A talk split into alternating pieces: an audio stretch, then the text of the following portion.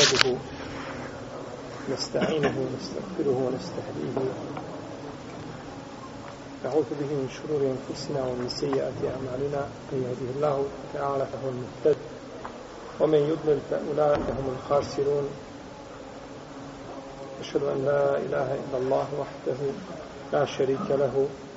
أشهد أن محمدا عبده ونبيه ورسوله وصفيه من خلقه وخليله. رب اشرح لي صدري ويسر لي أمري واحلل عقدة من لساني يفقه قولي ثم أما بعد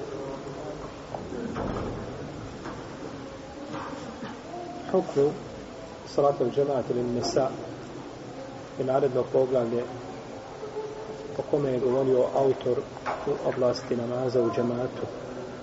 A to je propis kolektivnog namaza kada su u pitanju žene. Po konsensusu islamskih učenjaka ženama nije obaveza da prisustvuju u džamijama na kolektivnim namazima. No međutim, dozvoljen im je džemat u globalu. U globalu im je dozvoljeno da klanjaju u džematu.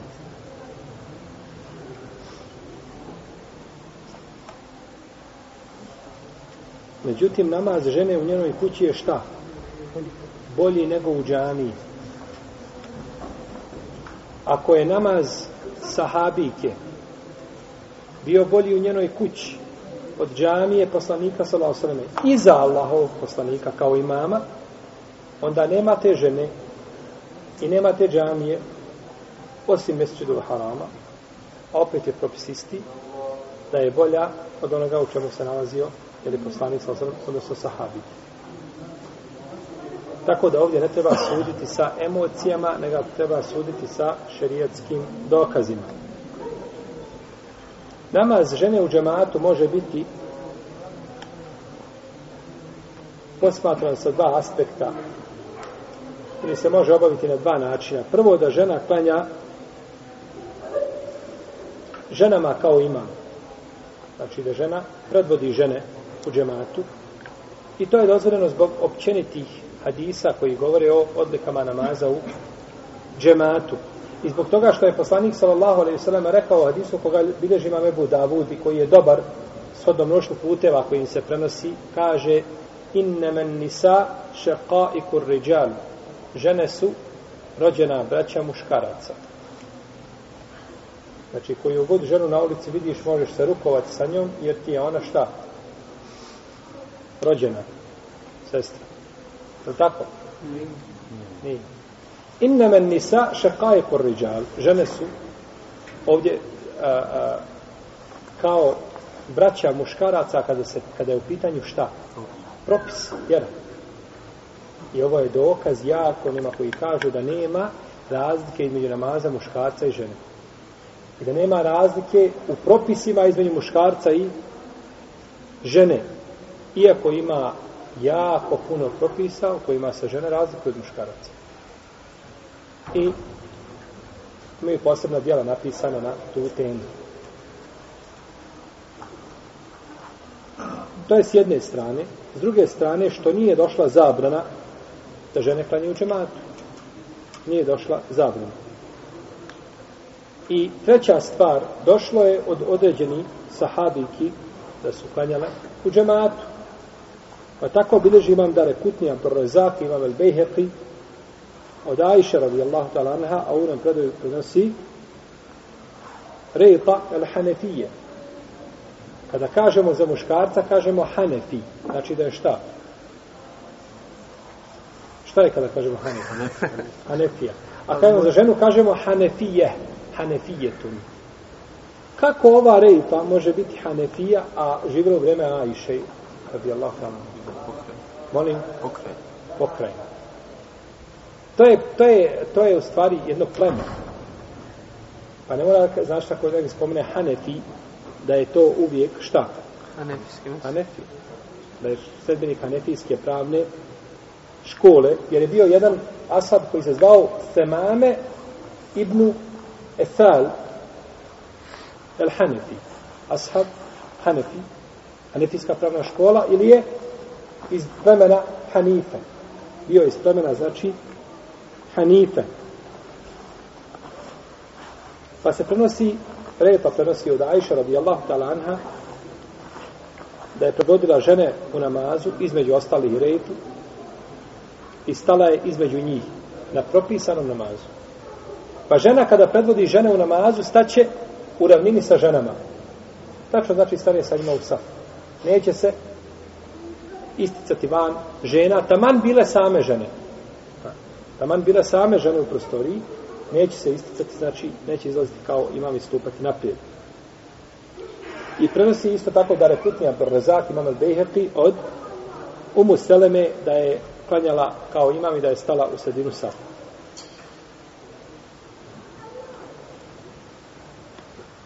Ove dvije predaje, kaže imam Neovi za njih u svome dijelu Hulasitul Ahkam, koliko se sjećam, da su oba dvije vjerodostojne. Da su oba dvije ove predaje vjerodostojne i u istru njihov lanac prenosilaca dobar, a ako nije i sahih vjerodostojan. Ovo su dvije ashabike, majke vjernika, koje su klanjale u džematu. A nije poznato od drugih sahabike da su govorila suprotno tome. Što je argument da je taj posao, da je postupak legitiman. U protivom se neko usprotivio, jer bi u najmanju ruku kazao suprotno, suprotno tome. I došlo u jednom hadisu, da je poslanik sa osrema rekao jednoj ženi koja se zvala Umu Varaka, rekao je da predvodi ljude koji su, da predvodi ljude, da predvodi žene koje su u njenoj kući, jer žena ne može predvoditi muškarca. Žena ne može šta predvoditi muškarca u namazu i tu je konsensus učenjaka osim iznimnih mišljenja koja se pripisuje imam Tabariju i to nikada nije bilo poznato u istoriji čovječanstva do našeg vremena. Kad je žena izišla da predvodi ljude na džumu. I to su musibeti koji se dešavaju kada ponestane sunneta. I kada ponestane znanja, onda dođu neznalice pa govore o vjeri. Pa iziđe žena i predvodi ljude u namazu. No, međutim, ova predaja je da i nije vjerodostojna. Jer prve dvije predaje su vezane za Ajšu i za Umu Seleme. Je li to hadis? Ili je postupak ashaba? I sahabike, kako hoćete. Postupak ashaba. No, međutim, ovdje je hadis. Ovdje je on naredio da predvodi šta žene, No, međutim, hadis je daiv. Međutim, taj hadis daiv sa postupcima sahabiki i većine uleme i nepoznavanje ničega što se kosi ili što je u koliziji sa ovim argumentima, je dokaz da je inša Allah taj postupak, da je taj postupak legitiman. I to je mišljenje šafijske i hambelijske pravne škole i ova mišljenja odgovaraju znači argumentima koje smo spomenuli. Drugo, drugi aspekt jeste da klanja ili drugi način da klanja i za muškarce svejedno da li klanjala sama iza njega ili klanjala sa skupinom žena ili klanjala u džematu gdje, klane, gdje klanjaju muškarci sa imamom i na, iza njih klanjaju žene. Jer je došlo su brojni hadisi koji ukazuju na tu činjenicu, kao hadis Enesa ibn Marika u kome kaže klanjao sam ja i jedan jetim iza poslanika, sa osam klanjali smo, a iza nas je bila Umu Sulejm. Umu Sulejm bin Milhan, njegova majka, radijallahu ta'ala anha.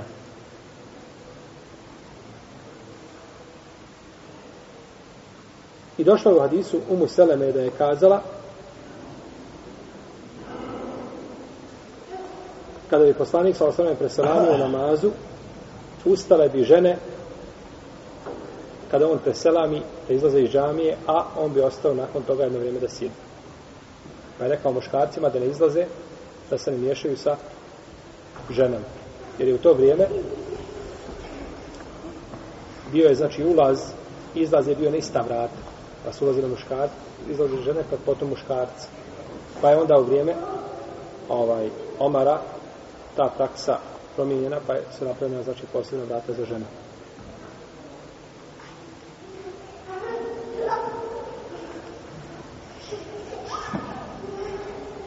nije dozvoljeno čovjeku da se osami sa ženom koja mu nije mahrem pa da joj klanja kao ima. niti da je poučava Kur'an, niti bilo što drugo. Znači to osamljivanje je zabranjeno šerijatski.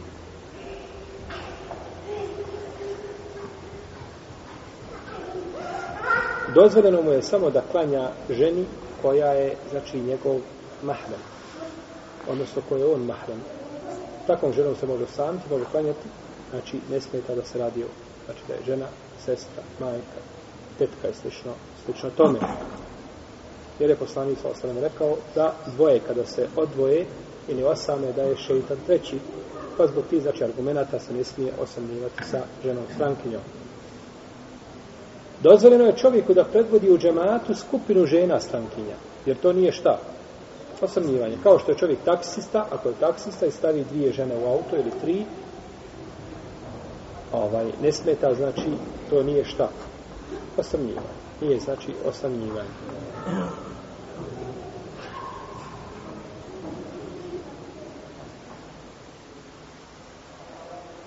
Ovo je svakako vezano za vrijeme kada čovjek se ne boji znači iskušenja da će biti iskušan. Međutim, ko zna da je slabog srca i da se može lahko razboljeti, onda mu je preče da ne da preče, nego je obaveza da to ne čini. Znači da ne predvodi niti žene, niti da ima bilo kakav kontakt sa njima.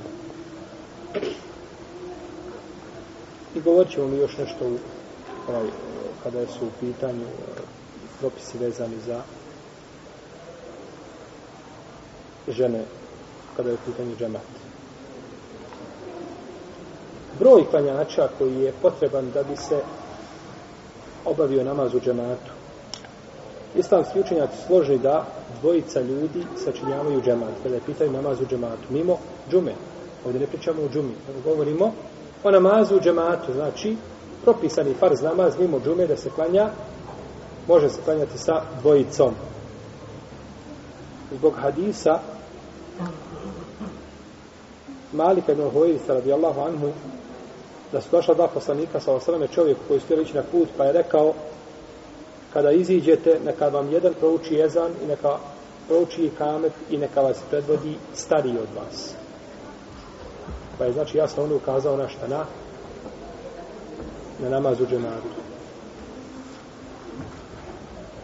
I hadis Ibn Abbasa kada je proveo noć kod svoje tetke Mejmune pa je ustao, kaže, ustao je poslanik sa osrame da klanja, pa se abdestio, pa sam i ja ustao i abdestio se na sličan način kako se on abdestio, sallallahu alaihi wasallam, pa sam stao sa njegove lijeve strane, pa me on prebacio na desnu stranu. Pa smo klanjali koliko smo klanjali, pa smo nakon, nakon toga ponovo legli. I prenose se da Ebu Sejid al-Hudri radijallahu anhu da je jedan čovjek zakasnio u džamiju, da je kasno došao, nije prispio na namaz u džematu, pa je rekao, hoće li neko podijeliti sadaku ovome čovjeku, to jest hoće li klanjati sa njim u džematu. Pa je ustao jedan prisutni, pa je klanjao sa njim u džematu. I govorili smo u poglavlju noćnog namaza da je Ibn Mesaudi i Huzeyfe da su klanjali za poslanika sallallahu alaihi wa sallam.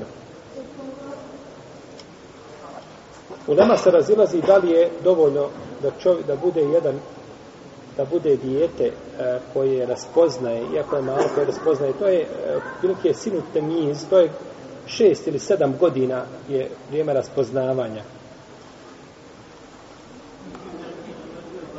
Ovo je kada je u pitanju farz. Kada je u pitanju farz. Ispravno je da može zbog hadisa Ibn Abbasa a nema nikakve razlike i nema dokaza koji ukazuje na razliku između farza i sunneta u ovome slučaju. Znači isti je, isti je propis. A kod većine uleme je dozvoljeno da bude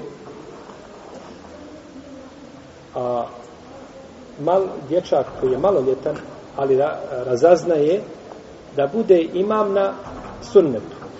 To je stav hanetijski, šafijski učenjaka i jedan i vajto Ahmeda. Pa ako mu dozvolim da bude imam na sunnetu, onda mu dozvolim da bude i muktedija na farzu. Jer govorimo da li može biti džemat sa jednom, sa imamom koji je punoljetan, znači, sliman, i sa djetetom koji je šta? Maloljetan, ali razaznaje. Dijete koje je maloljetno, ali ne razaznaje, tri ili četiri godine, to nije džemat. To je sam namaz. Jer to dijete, on ostaje za tebe, žuri prije tebe. Znači, ne može razaznati, ne može još skopčati namaz, šta, u džemadu. Dijete koje razaznaje, kao dijete 7 ili 8 godina, ako može biti imam na teravi, onda može biti i muktedija na propisanim namazima. To je manja odgovornost da bude muktedija nego da bude nego da bude imam.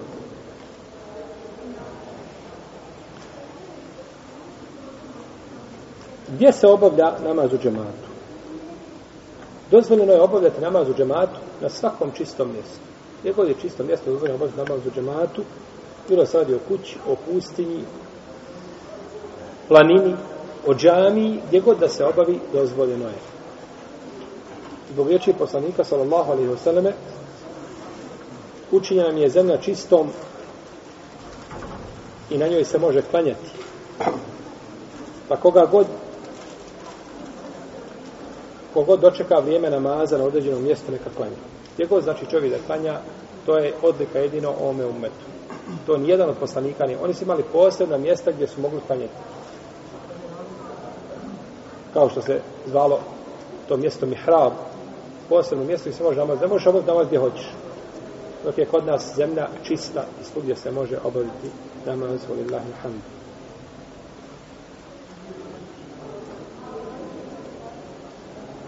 I kaže poslanik sallallahu alejhi ako budete klanjali tamo gdje ste odcijeli, pa potom dođete u džamiju, klanjajte ponovo sa ljudima, to će vam biti na fila. Znači nisi klanjali u džamiju, klanjali na drugom mjestu. No, međutim, namaz u džamiji je bolji nego na drugim mjestima, zato što je džamija Allahove kuće. Sagrađene posebno za ibadet. Stoga imaju veću, veću odliku iako namaz u džematu ostaje namaz u džematu. No, međutim, džamija, kažemo, je nešto šta? Posebno. Poslanik sa osrame kaže, klanjajte u svojim kućama, zaista je namaz čovjek u njegovoj kući bolji od namaza osim propisanog namaza. Misli se u džamiji. Jer to ljudima govorio koji znači dolazi u džamiji. Koji su to razlozi koji su validni za ostavljanje namaza u džematu.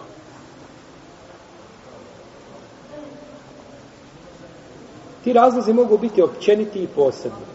Znači da se tiču općenito ljudi ili da se tiču jedne osobe zasebno. Što se tiče općeniti razloga, to je prvo autor spominje kišu i blato veliko pri kome bi čovjeku bilo znatno otežana, otežan odlazak u džamiju. I kaže, navodi kao argument hadis Ibn Omara, da je jedne prilike poslanik sa osrame naredio mu jezinu da kaže kada je bilo veliko, veliko je velika je hladnoća bilo i, i kiša rekao je klanjajte u sadlu fi rihal Jer rihal to je mjesta gdje ste odcijeli autor je spomenuo ovu predaju ovako. Od Buharije, pod brojem 666. 666 je predaja ovako. Klanjajte u mjestima gdje ste ostali. Tu je stao. No, međutim, u Buhariji na drugom mjestu, pod brojem 632, prije toga, znači neki 30 i nešto hadisa, se kaže da je to bilo fisefa, da je to bilo na putu. I došla je druga predaja od Džabira, u kojoj se kaže da je poslanik, sallallahu sallam, bio na putu Pa je rekao, kaže Džabir padala je kiša, pa je rekao, ko od vas želi neka klanja u mjestu gdje je odsjeo, to jest u svome šatoru gdje se nalazi.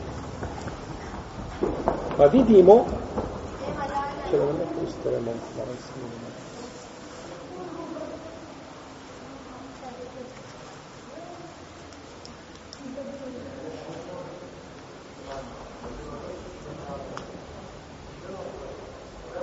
Imamo predaju Ibn Omara, imamo predaju Džabira. I oba dvije kažu da je šta, bilo na putu. Autor navodi da je dozvoljeno ostaviti namaz u džematu radi čega? Blate i kiša. Radi blata i kiša. Govorili smo da je dozvoljeno čovjek kada je kiša, šta da uradi? Da spoji namazu. Kada je neobično velika kiša zbog koje bi ostavio šta? Farz u džematu da spoji. Pa to je olakšica.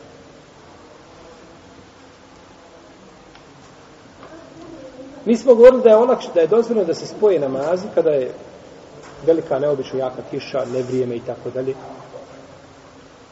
I drugi razlog koji liče tome, kao jak vjetar. A je li velika žega, neobično velika žega, razlog da se spoji? To je, vikali smo razlog da se odgodi. A? Da se odgodi namaz. Kada se odgađa namaz. Tada se ne spaja. Kada je velika žega, tada se šta? Odgodi se namaz prema ikindi, da malo popusti. Jer nije isto u jedan i u dva sahata i u pet sati se razlikuje šta? Temperatura. Pa vrućina nije razlog za tako i ovdje. Će li biti kiša razlog za ostavljanje namaza u džematu? Imaš drugu olakšicu, ne da ostaviš, nego da spojiš. Znaš što je ovdje došlo sve za put? Allahu alam, ako ima nešto ukazuje da je to mimo puta, pred. Jer ovo se vraća na pitanje da li je namaz u džematu putniku obavezan. Sve se vrti oko toga. Da li je namaz u džematu obavezan za putnika? Oko toga se vrti cijelo pitanje. Zbog toga je došlo ovo razilaženje. Jer ovdje se kaže neka klanja u svojim svoj mjestu gdje osjevo ko želi na putu. Ima li to mjesto boravka da je bilo? Mjesto boravka je bilo spaja. Allahu ta'ala alim.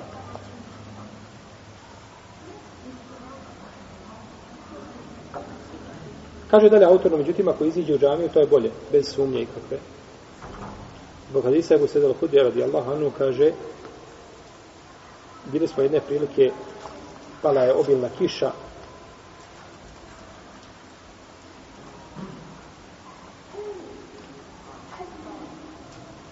a džamija je bila pokrivena sa palminim granjem pa je kiša padala toliko da je natopila zemlju kaže pa je poslanik sa osaname činio seždu a, na, na vodu i na blatu kaže pa sam vidio te tragove na njegovom čelu.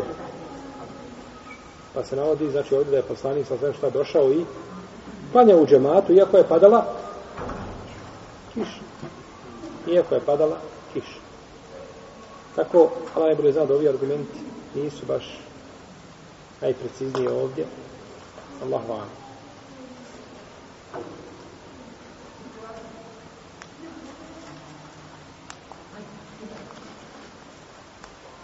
Dalje kaže autor velika zima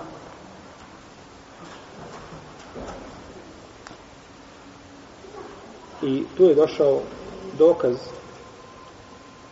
od Noajma An-Nahama radijallahu Anhu da je rekao jedno je jutro pozvao mu jezin na a bilo je hladno na sabah namaz kaže pa sam rekao kamo sreće da mu jezin hoće kazati a ko ostane u kući ne smeta. Kaže, pa je na kraju namaza, mu je, na kraju je zana mu jezin rekao, a ko ostane u kući ne smeta. I kaže, to je bilo u vreme poslanika, sallallahu alaihi sallam. E, ovaj argument nije došao da je vezan za put.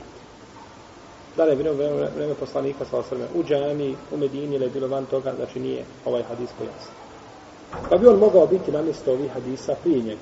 Pa bi onda tako moglo biti znači opravdanje neobično velika zima ili neobično velika kiša za čovjek da bilo opravdanje da dolazi u džanu. No međutim, ona prva opcija bez ikakve sumnje šta? Bolja. I u ovome isto uh, priključuje veliku tamu kada čovjek ne vidi kuda hoda i otežan mu put bio do džamije i slično tome. Kaže imame Neovi u svome djelu Mežmua, kada čovjek ima nekakvo opravdanje da ide u džamiju, to ne znači nikako da je dobio nagradu džemata. Nego znači da je šta? Da je sačuvan kazne i grijeha. a nije dobio nagradu. Ti, na primjer, nisi otišao u džamiju radi određenog razloga.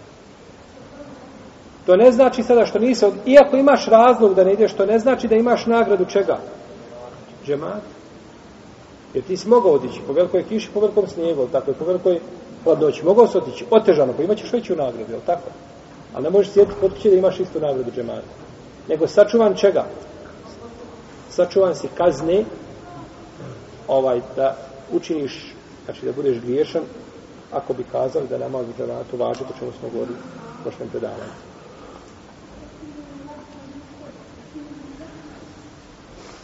Jedino čovjek ima nagradu tu kada bude spriječen da ne može otići. Kao na primjer da prespava. Ili da zaboravi. Nije ti na podne, nije ti podne, samo na pogleda vidi prošlo i podne sve. Nije mu na on palo. Tada ima nagradu čega? Po? Po nijetu. Jer tada nije mogao otići. Ko je zaboravio? Je li mogao otići? Nije mogao nikako otići. Ko je legao na postelju, bacilo ga na postelju, ne može nikako ustati. Takav čovjek ne može nikako otići u džanu. Pa takav ima šta? Nagradu po dok čovjek koji može otići, a iskoristi olakšicu, tada mu pada samo šta? Oslobođen biva, znači, grijeha.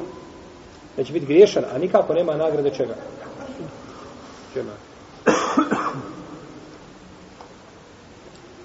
Posebne, ovo su bile opće, znači, opći razlozi koji, po koji je dozvoljeno da se izostavi za džemata. Posebni razlozi su bolest. Takva bolest za čovjeku pričinjava vidne poteškoće da ode u džanu. Znači da se može još više razboljeti slično tome. Iako je, kako kaže Ibn Mesaud, kaže Ibn Muzir, nema razilaženja među islamskim učenjacima da je namaz u džematu dozvoljeno ostaviti onome ko je bolestan jer je poslanik sa osaleme u, kada je bio bolestan, naredio da predvodi ljude ko? Ebu Bekr. Pa nije izišao. Jer ne može, znači, o, kada je otežan čovjek, znači, odlazak u džami. No, međutim, ako je čovjek bolestan, bolešću koju može podnijeti, poput da ga zub boli, ili da ima glavobolju blagu, nije to ništa opasno, ili temperaturu, nakon nešto malo proljetnu nekako. Sve je to šta? Nisu razlozi za ostavljanje džemata. Nisu razlozi za ostavljanje znači džemata, jer to mu ništa... Kao, kao i post. Čovjeka boli zub i on posti. Ako prekineš post i najedeš se dobro, neće boljeti zub, on dalje boli. Jedino ako bi se radilo da čovjek uzme, znači ovaj lijek, Allahu dragi, to je nešto drugo.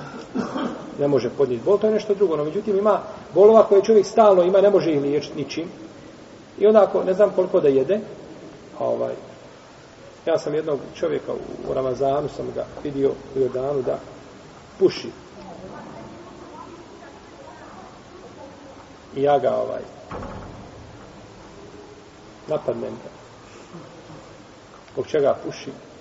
Sad ću rekao pozvat, rekao ovdje, rekao, da te voze tamo ko koga nađu da, da jede u Ramazanu, on bajramuje u, u Zarešita. Znači kad god da ga nađe, prvi dan kad bio na ulici, voze ga i čeka Bajrama iza rešetaka. Znači to je kazna. Nije kakva treba biti, ali bolja ikakva nego nikakva. I on još samo nije počeo plakati od straha. Kaže, nije, kaže, kaže, Boga mi stomak ne boli. Dobro rekao, ako pušiš, hoće ti proći stomak. Ima li doktor na svijetu da je rekao kada, kada stomak zaboli, pripali cigaretu? Šta ti koristi? Da si jeo i da si kazao ne mogu bolestan sa imaš opravdanje? Može biti da si bolestan, ja ne znam šta je u tvome srcu. Međutim, opravdanje je gore od grijeha koje činiš. Boli me stomak, pa puši. Prije da ga glava boli. Znači, bolest treba biti ta koja otežava čovjeku šta odlazak u, u džani. Otežava mu odlazak u džani. No, međutim, ako bi čovjek kazao, nema veze što sam bolestan, ja opet idem u džaniju, je to bolje ili gore? A može otići, ali mu je teško, pričinjamo po teškoću, ima pravo šerijetski da ne ide. A ako ode, je to bolje ili gore? Bolje. Bolje je da ode. Bolje je da ode. Kaže Ibn Mesaud, u naše vrijeme nije kasnio i za nije ovaj, izostao iza namaza u džematu, osim munafik koji je bio poznat po svome nefaku.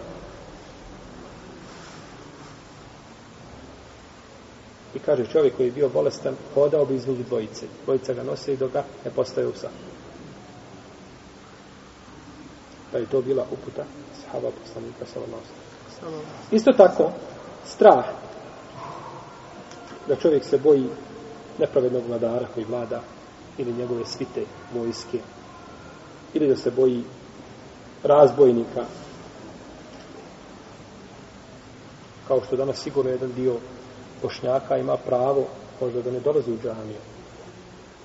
Jer koliko se razbojnika pojavilo da na, na, na miru čovjek ne smije na ulicu izaći. Pa ako neko ostavi namaz u džamatu pokušajte mu nađi pravdanje da je to možda zbog onoga što se dešava u ovome našem jadu u kome živimo da insan ne smije svoje dijete na miru poslati da mu hljeb kupi iz trgovine, ne kažemo da hoda negdje po gradu, jer uvijek postoji mogućnost da će ga neko izbušiti i da će ti ga vratiti u da će ti javica košava da zgleda da ti je dijete tako i tako završilo. A oni koji trebaju rješavati probleme, njima je lijepo. Oni sjede i uživaju. A obični svijet trpi. To su ti vladari koji žive u svakom vremenu, u svakom prostoru i koji tlače ljude a ugađaju sami sebe. Čovjek koji se boji divljači kada iziđe, isto tako, dozvoljeno je znači da izostane iza džemata. Iako po ovim svim pitanjima olema ima a, pojedinosti o koji se razilaze, no međutim ovo je u globalu. Jel? Prenosi se Ibn Abbas, da je poslanik sa osrema rekao, ko čuje ezan, pa se ne odazove bez šerijetski opravdanog razloga, nema namaza. Pa je upitan šta je razlog, kaže, to je strah ili bolest. No, međutim, ovo nije od poslanika sa osram, nego se kazao sam da je to Ibn Abbas, isto riječ Ibn Abbas. Dalje, od razloga pojedinačnih koji se tiču ostavljanja namaza u džematu jeste da se postavi jelo prije namaza. Da se postavi jelo prije namaza. Kaže Nafija, rekao Ibn Omar, kaže poslanik sallallahu alaihi wa sallam, kada se postavi večera i prouči se i kamet, počnite sa večerom i nemojte požurivati dok ne završite. Subhanallah. Postavljena večera i kad bi požurio, možda ćeš stići. No, međutim, jedi normalno kao što jedeš. Jer brzo jelo je nežvakanje hrane. I to opet šteti čovjek. Znači, šarijat nije naštetio ničim. Šarijat samo koristi čovjek. Svaki propis u šarijetu je korist za čovjeka. Samo ako čovjek želi da ga svati kao korist. Pa kada se postavi večera, ne ciljano da bi se izbjegao šta? Džema. Ti Hanumi kažeš, gledaš u 7 sati je jacija, kažeš 5 do 7 neka bude večera na stolu. To je šta? To je ciljano. To je prevara. No, međutim, Hanima, Hanuma nije pazda, niti nisi gledao, nego tako se postavijalo. Ili da je čovjek gladan i kaže postavijalo, misli da će završiti, pa ne završi, nastavi ne smije. Međutim, ciljano ne smije šta? Ciljano ne smije, znači kao čovjek koji jede uh, luk bijelice, do čega ćemo doći.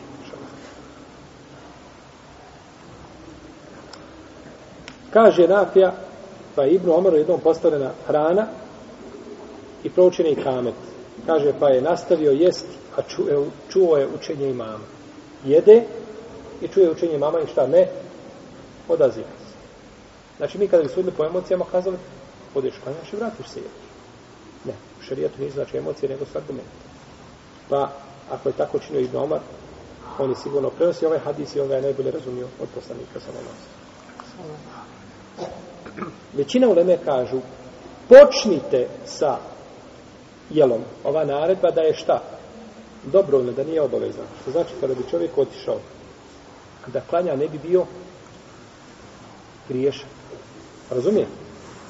Poslanik sa osreme rekao počnite sa jelom ili sa namazom? Sa jelom. Dobro, ako bi neko počeo sa namazom, je li griješan zbog toga što je uradio suprotno naredbi poslanika sa osreme? Bio bi griješan kada bismo kazali da je naredba kategoričnog, znači karaktera, koja poloči za sobom neminovnu obavezu, moraš joj izvršiti. Ali većina ovdje u Leme kaže da je to šta? Da je to sunnet. No, međutim, ovdje je došla naredba.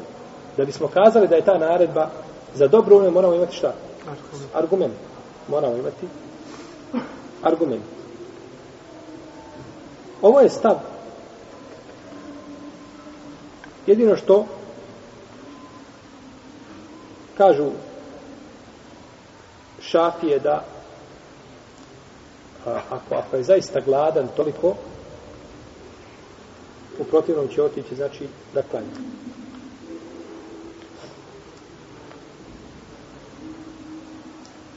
To kaže Ibn Hazm ako klanja namaz doba. U svome znači bez pravilu rahimahullahu ta'ala wa radi anhu bio jedan veliki imam ovoga ummeta i malo je ljudi se pojavilo kao on. Međutim, ovaj, Allah je odjeću nepogrešivosti poklonio poslaniku sallallahu Nikome drugi. Neki dan čitamo od Ibnul Kajima, rahimahullahu ta'ala, kaže spojiti između Allahumme i vau nije došlo u hadisu.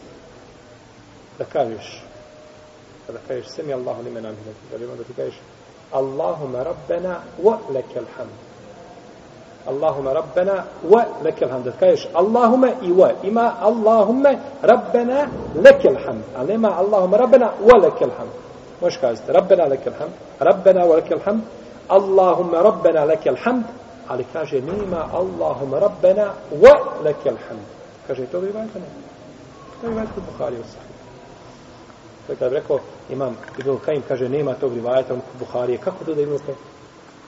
Pa desi se propust, desi se greška. Manja ili veća? I najvećoj ulemi. Tako da, imam Ibn, Ibn Hazm, rahimahullahu ta'ala, i ovdje sigurno ovaj, promašio svom ičtihadu, da kaže da je namaz batil, da je rekao da je griješan čovjek, možda bi mo proći sodno pravilima da je naredba za obavezu, ali da se kaže da je namaz batil, to je, to je potpuno sporno. Moramo imati argument kojim se ova naredba spust, spusta na viši stepen. A to je hadis od Amra ibn Umeje, kaže, vidio sam poslanika sa osanem kako je jeo a, plečko od ovce i kidao je nožem, pa je pozvan na namaz, kaže, pa je ostavio nož i klanjao, a nije sabost. Pa je bio šta, jeo i pozvan na namaz, pa je ostavio jelo. Ostavio je šta? Jelo. Pa znači, neće biti ova naredba obavezna, ali je bolje šta? Jesti li namaz klanjati? Namaz klanjati. Namaz je namaz. Ali ovdje bolje jesti ovdje je bolje šta jest, nego doći klanjati namazu džema. Postavila ti Hanuma jelo, kod će ti gladan i čuješ i kamet, ili čuješ ezan. Bolje je da jedeš. Bolje je da jedeš. Da se ne bi vrtle sve one šerpe i po glavi dok budeš u namazu, onda je preče da najedeš se i onda pa, jer kakva je ako je namaz samo gimnasticiranje onda nema potrebe da zadržavamo na ruku i na seždama samo ćemo to uraditi za dvije minute pa ćemo četiri rekiata ili manje od toga završiti. nego namaz ima svoj cilj ima svoju svrhu. A prvenstveno svrha tog ili srž namaza jeste ta bogobojaznost i skrušenost u namazu. A ako je nemaš ako si gladan neće ovaj ni biti te skrušenosti. Tako da znači zbog te osnove šarijat žrtvuje šta? Šta žrtvuje? Šta žrtvuje se? Džemat. Žrtvuje džemat. Neš ti žrtvat namaz. Ovdje jedino ne vrijedi pravilo kada bi istekao nama, ističe namaz. A postala žena, a nema postala hram, ističe namasko vrijeme. Tada ne vrijedi pravilo čega? Ja gladane. Tada je namasko vrijeme i isticanje mimo tada je bitnije nego šta? Nego jelo. Jeste. A, dalje, ra, od razloga koji su validni, da, oslobode čovjeka namaza u džematu jeste kada ga pritišće, pritišće jedna od dvije fiziološke potrebe. Kaže poslanik sallallahu alejhi La salate bi hadrati ta'am wala wa huwa yudafi'uhu al-akhbathani. Nema namaza kada je u kada je postavljena hrana, niti kada čovjeka pritišće jedna od dvije fiziološke potrebe. Kaže Abdullah ibn Larkam, izišao sam na hađ ili na umru, prenosi riva, ravija da je Abdullah ibn Larkam izišao ili na hađ ili na umru i sa njim su bili ljudi, a on ih je predvodio. Pa kaže, jednoga dana je proučen i kame za sabah namaz, pa je rekao, neka jedan od vas predvodi, kaže, ja sam čuo poslanika, sallallahu sallam, da kada se prouči i kamet, a neko ima potrebu za fiziološkom potrebom, neka kaže počne sa potrebom. Pa je otišao, a drugi su klanjali.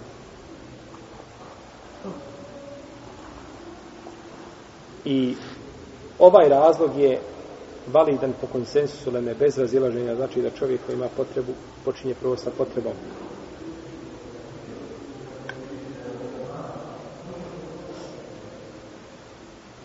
iz jednostavnog razloga znači što će popustiti čovjek koncentracija i iskušenost u namazu.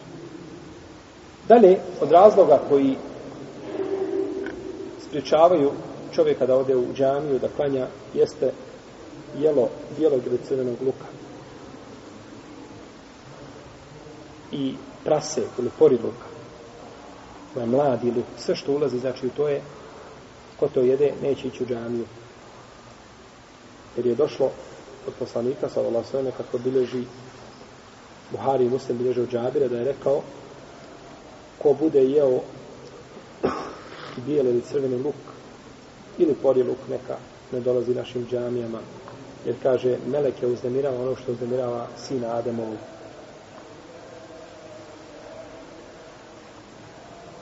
i ovo je svakako ciljane ovima, ovim je ciljan onaj ko jede ove, znači, koji jede luk koji je prijesan, a ne kuhan. Jer je došao od Omara ibn Khattaba, radi Allah, kako bilježi vam muslim i drugi, da jedne prilike na Mimberu rekao ko bude jeo sa ova dva ružna drveta, misli se na bijeli na crveni luk,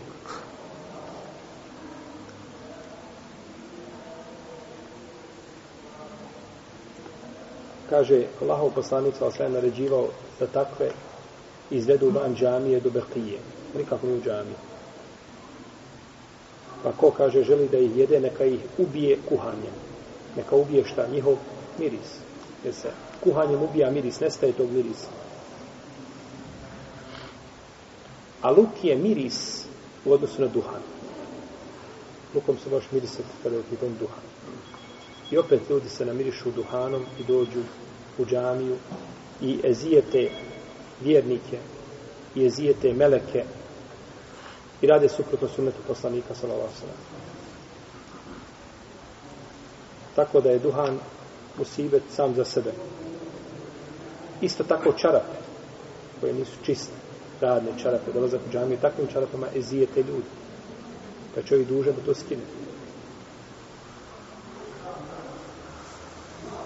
Da ne zijeti klanjača. Jer luk je korist. Koji je samo koristima. I halal je u islamu.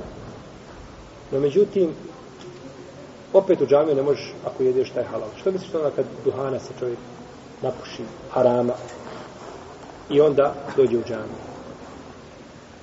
Tako mi preče da ne dolazi u džamiju.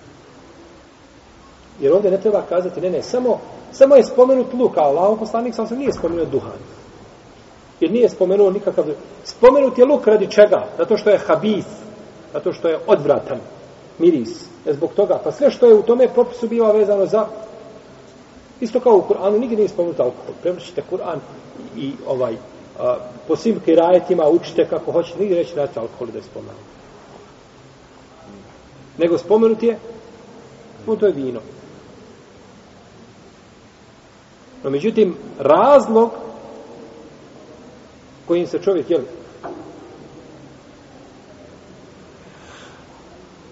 ومن ثمرات النخيل والأعناب تتخذون منه سكرا ورزقا حسنا iz loze i iz palme vi pravite opojna pića i pravite lijep rizk i lijepu obskrbu. Pa nije nazvao opojna pića čime? Lijepom obskrbom. Vi pravite iz toga opojna pića i lijepu obskrbu. Pa nije nazvao opojna pića čime? Lijepo. Uprotiv ne bi spominjao opojna pića, nego samo lijepo, lijepo, lijepo obskrbu, lijepo obskrbu. Ali taj ajet je bio prvi u nizu čega? Zabrana. Nije bila zabrana. To je to je to su te četiri ili ta stepena kada je u pitanju alkohol. Prvo je došao taj ajet kojim je ovaj uzvišeni Allah te barake od znači pojasnio i to je u suri An-Nahl u kojima je znači pojasnio šta je alkohol. Da nije od čega? Od lijepe obskrbe. To je prvi stepen. Kada je to Omer čuo, kaže, Allahu dragi, pojasni nam, kaže, po pitanju alkohola, šta je? Pa je Allah Želšanu objavio drugi ajet u kome kaže Is'alunaka anil khamri wal maisir kul fihima ismun kabirun wa manafi'u lin nas wa ismuhuma akbaru min naf'ihima u suri Al-Baqara i pitaju te o vinu i kocki. Kaži u njima je velika korist u njima je veliki grijeh i korist za ljude. Ali je grijeh veći od koristi. Grijeh veći od koristi. Ali ima nekakve koristi. Onaj kafanđija kad te dođe pa te na ovaj a, naplatiti ono što si koristio ili ti proda, pa kada se opiješ, onda potpišeš nekakav ugovor koji nikad ne bi zdrave pameti potpisao, pa izgubiš. On ima korist, ali je grije šta? Veći. Ali opet nije alkohol šta? Zabran. Nije ovo zabran. Ima korist, ima grija. Nema zabrane, nije kategorija. Pa kaže Omar, gospodo naš, pojasni nam to malo bolje. Još bolje nam, daj nam jače objašnjenje. Pa Allah objavio treći ajet u kome kaže u suru Majde, Ja, ejuha alladina amanu, la takrebu salate wa entum sukara, hata ta'lamu ma tekulu. O vjernici, nemojte se približavati namazu, dok ste u pijanom stanju, a ne budete znali šta govorite. Pa je tu već došla šta? Zabrana. Ovo je već ukazuje, znači, da ne možeš, znači, približiti se namazu, to je već vidio. No, međutim, opet nije šta? Jasna zabrana. Pa kaže Omer, gospodaru naš, još bolje to nam pojasni. Pa je Allah te bar te objavio يا أيها الذين آمنوا إنما الخمر والميسر والأنصاب والأزلام رجس من عمل الشيطان فاجتنبوه لعلكم تفلحون O vjernici, uistinu je vino, kocka, strelca za gata, komir, šetanska, to šetanska posla, pa klonite se toga da biste uspjeli.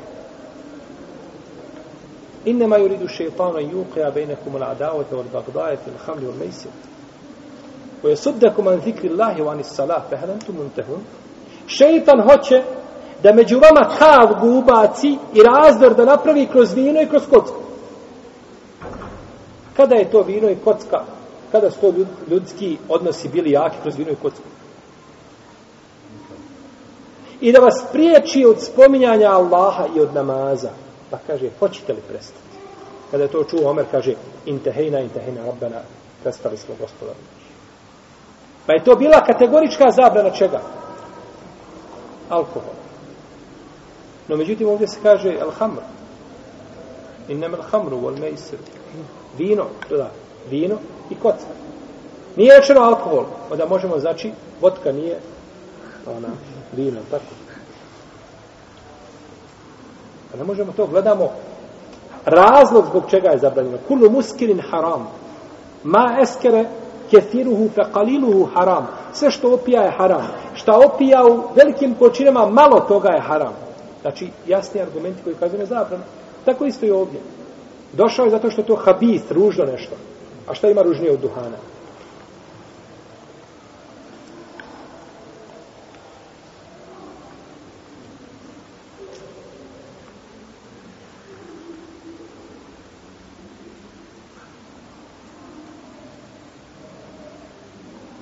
Isto tako, Ulema spominje razloga se izostane za džemata, da čovjek nema odjeće da obuče. To je bilo vrijeme kada su ljudi bili siromašni, kada nisu ništa imali. Danas čovjek kada bi auto puno natrpao svoje garderobe, opet ima šta obući. Živimo u vremenu, znači kada je uzvišen Allah nam dao blagodati koje nisu imali naši preci. Dok kažu šafije i neke malikije, kada ne bi imao čak da obuče ono što mu doliči da obuče, s stepenu kom on živi, da mu je dozvoljeno da ostavi džanu. Da li je dozvoljeno čovjeku kad se oženi, to već je zbog svadbe da ne ide na namaz? Čovjek se oženio, pojte vi kako nije. A ovdje imamo maka koji nisu oženjeni, odmah im pravite vrt. Čekaj, da se želi. Ovo je problem u, u, u, kod muslimana u, u arapskom svijetu, gdje se mlada pripremi za svadbu. Znači, ona se po pet sahata priprema tamo u salonu negdje. Ovaj. I onda dođe tako sva pripremljena i sad se treba abdestiti.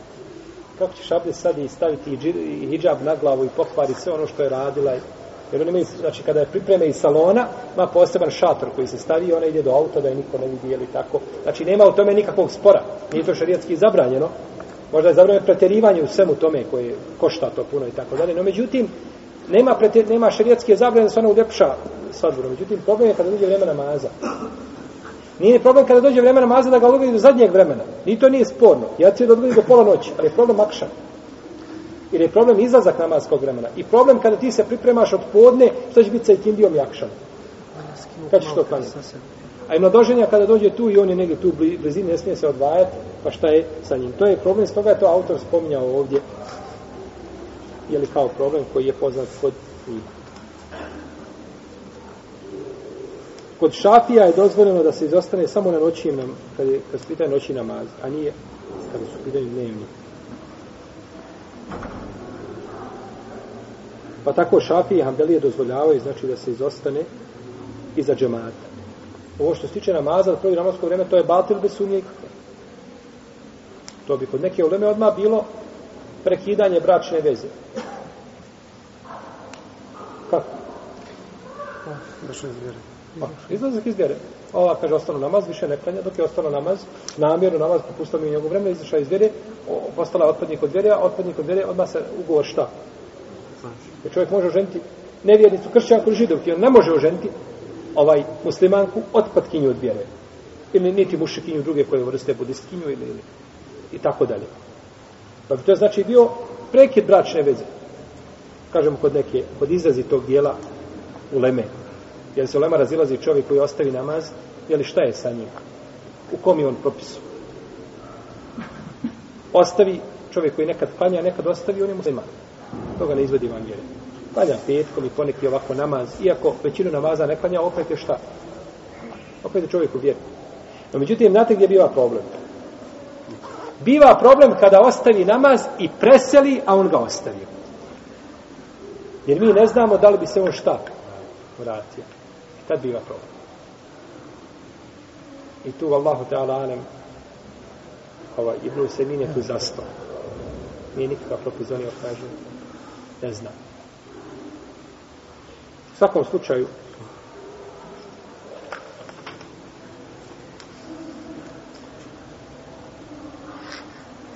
ovaj propis je došao uzete iz hadisa u kome se kaže iz vjerodostojnog hadisa koga bliže Buhari i Muslim da je poslanik sa osam rekao ili prenosi se da, da je rečeno od sunneta je kada se čovjek oženi sa djevicom da kod nje boravi sedam dana. A kada se oženi sa ženom koja je koja je prethodila bračna veza koja nije djevica da kod nje boravi tri dana. I kaže kažu znači boravi kod nje koliko? sedam dana, znači ne izlazi nikuda, kod nje boravi no, međutim ovo razminje, ovo, ovo shvatanje hadisa nije ispravno jer ovdje se govori kada čovjek oženi djevicu a ima ženu kući to mu je druga žena pa kada oženi djevicu tada provodi kod nje koliko? sedam dana, potom svakoj daje po danu a ako oženiš ženu koja je prethodila braća veza, nije djevica nije nevina bila znači bila je u brašoj vezi prethodila braša veza, onda boliš kod nje tri dana i opet dijeliš šta? Dan? Dan. Pa je ciljano to, nikako nije ciljano džamije, ostane džamije, namaza u džemat. Kako je to veze ima s tim? To je boravak, znači gdje? Kod žena, znači kući. I ovdje boravak me bit, misli se na boravak, šta? Po noći. Misli se boravak sedam dana da ne izlazi iz, iz kuće, nego boravak je po noći. Čovjek ima tri žene. I boravi kod jedne i druge i treće. Duže da boravi samo po noći. Po danu može izaći otići raditi, rizik sticati, kretati se i samo da dođe da proboravi noć. To je me bit. To je boravak po noći, a nije po danu.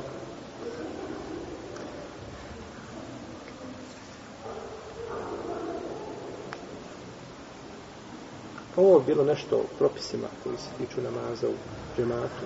Svakako da ti propisa ima još, pa ćemo govoriti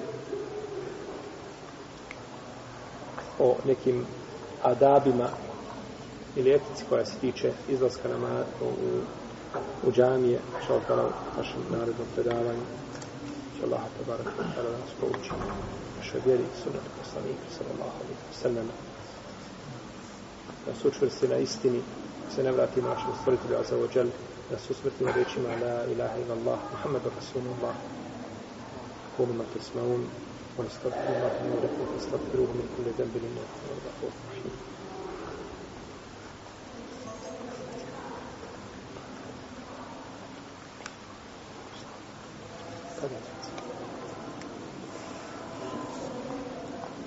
Koliko varijanti? Molim? 9 sad. Ima braću pitanje, imamo do 10 minuta.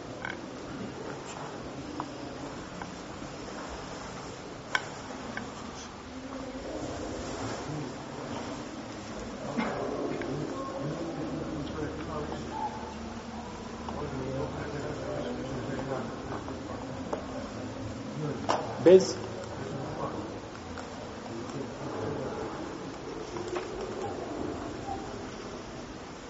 ne može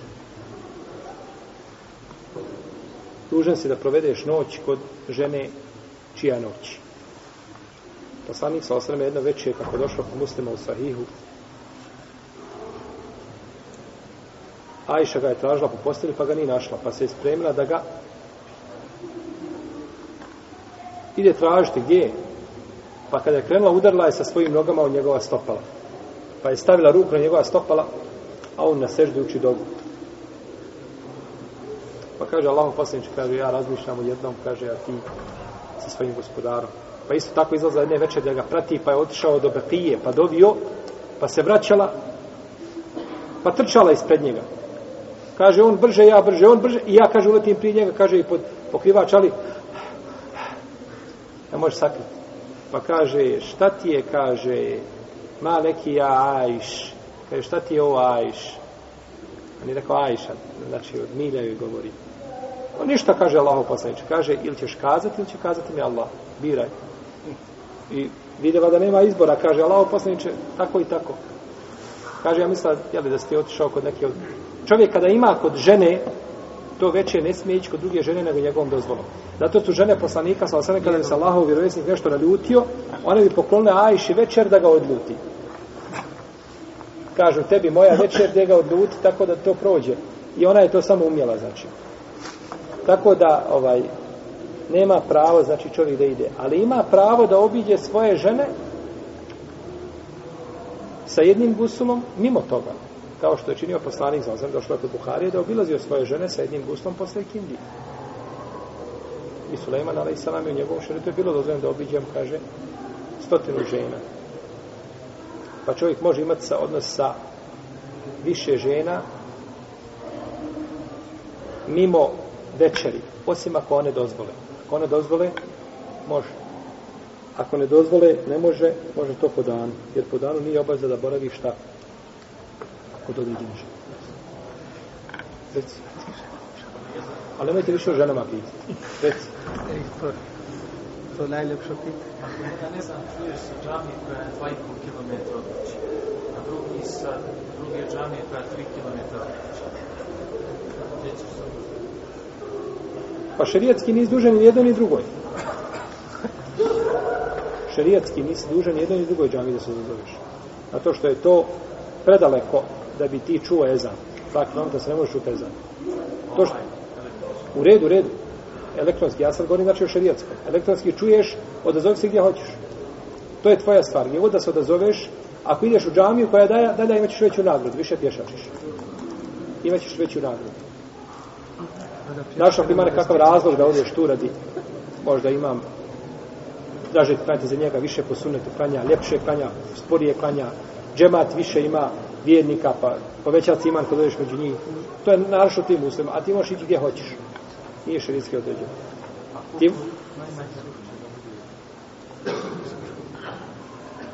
Da si dužan da se odozoveš.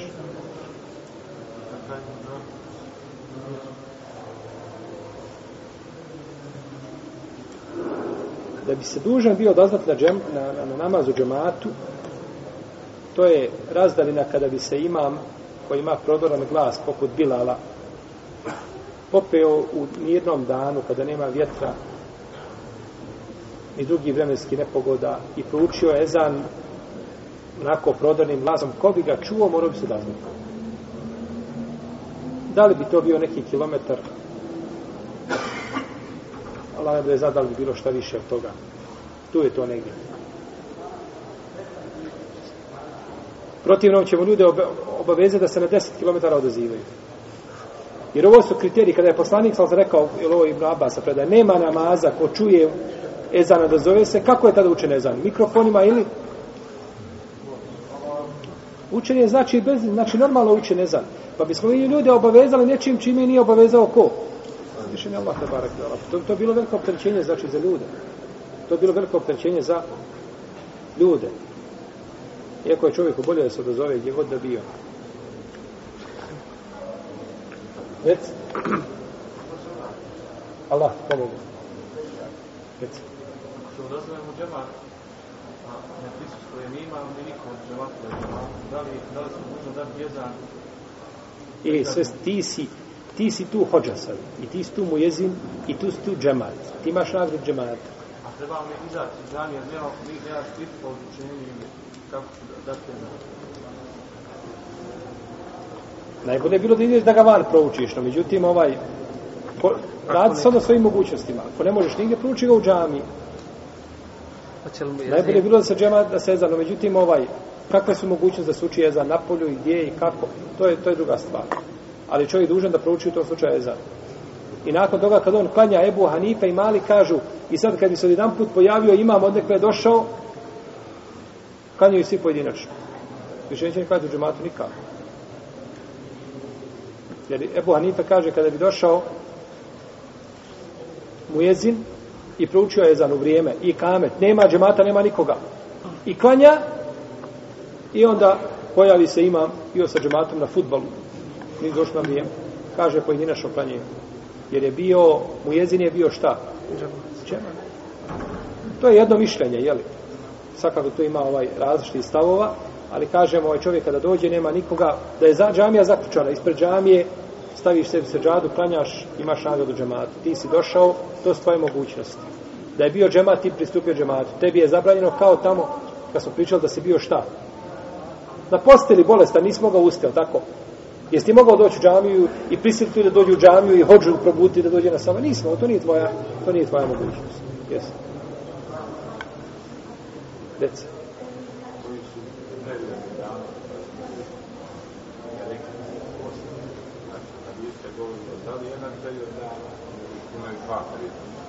Znači, ne znam tačno, tačno, kako se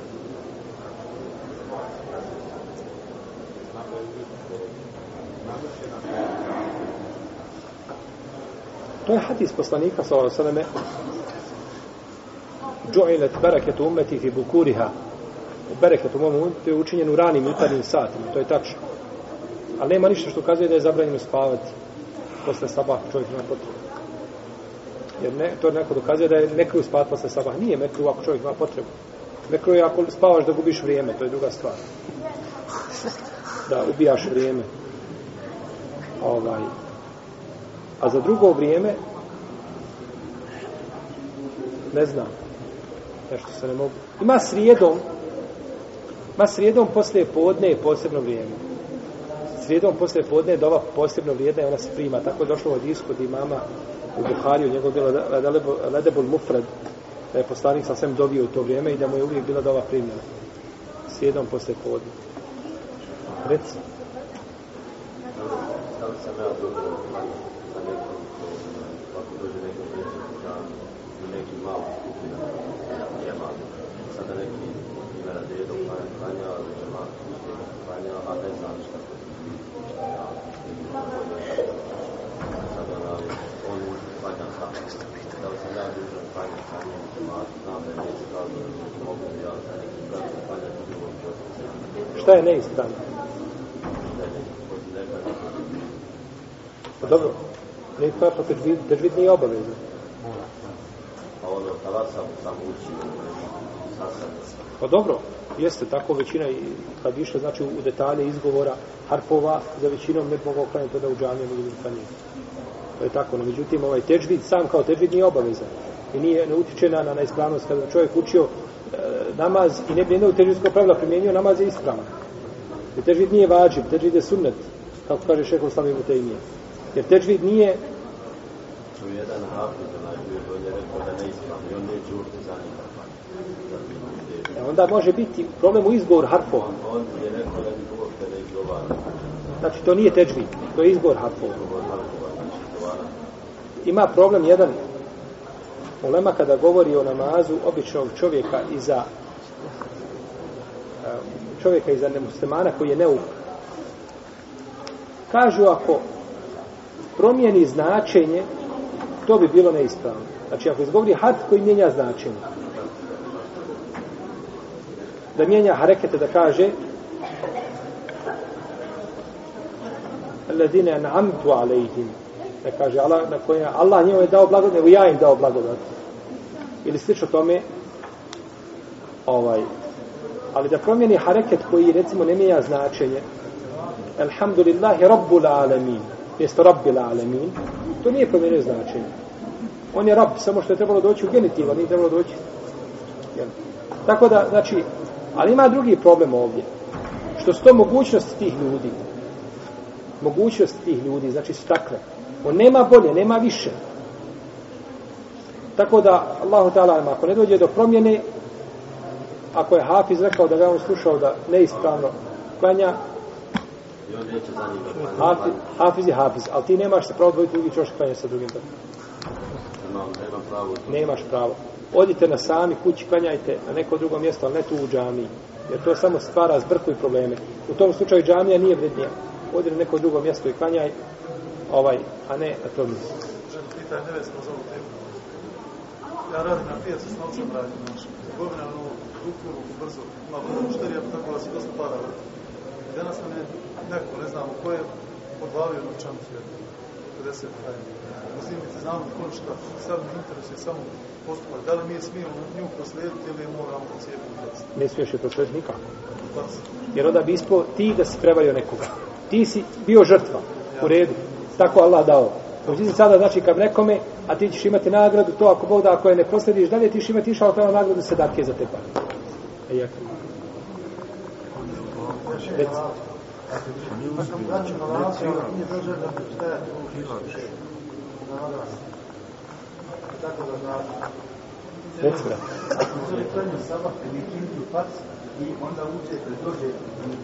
Klanjao je šta?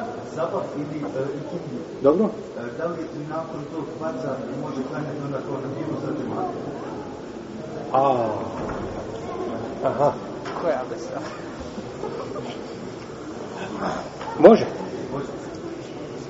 Može klanjati zato što je poslanik Lasam naredio kada neko dođe u džamiju, a on klanjao, a ljudi nisu klanjali, neka klanja šta sa njima, to će mu biti na fila.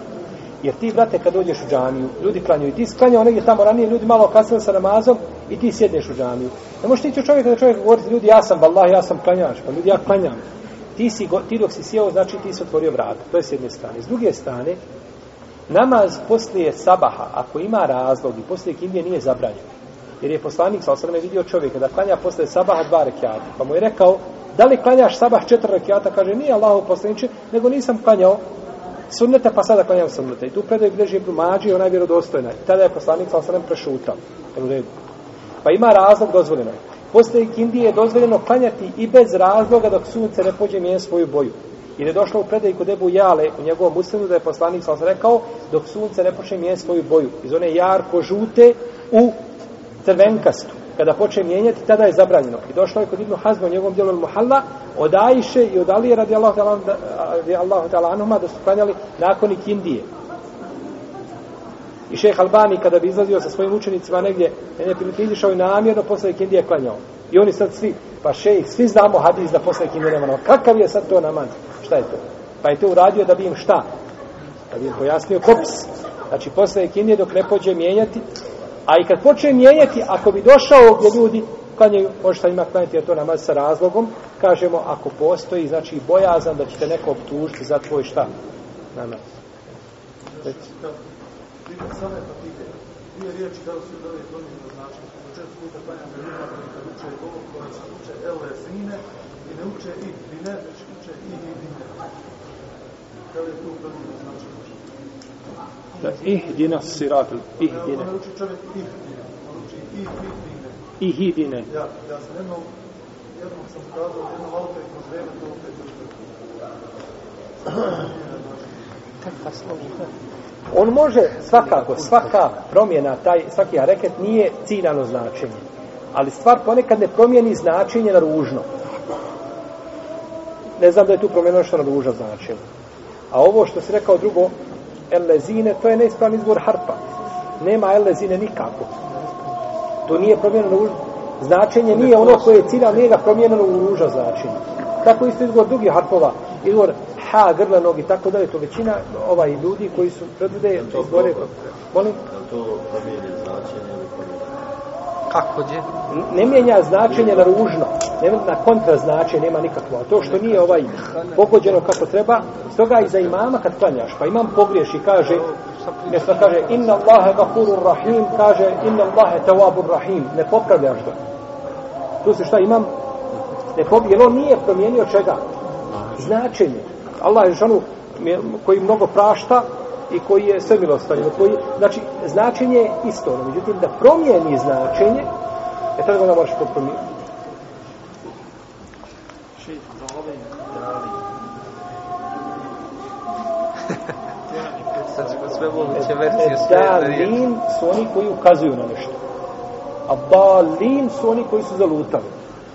E dalu ale na hajri ke fa'ilihi, kako kaže poslanik u hadisu kod muslima, ko ukaže nekome na dobro, oni su ovaj pa dalun su oni koji ukazuju na nešto. To, to bi promijenilo bi Kaže značenje. vele dali, vele dali samo i promijeni značenje. Ne kaže vele dobro, vele dali, Nema bol. Interesantno je nema bo,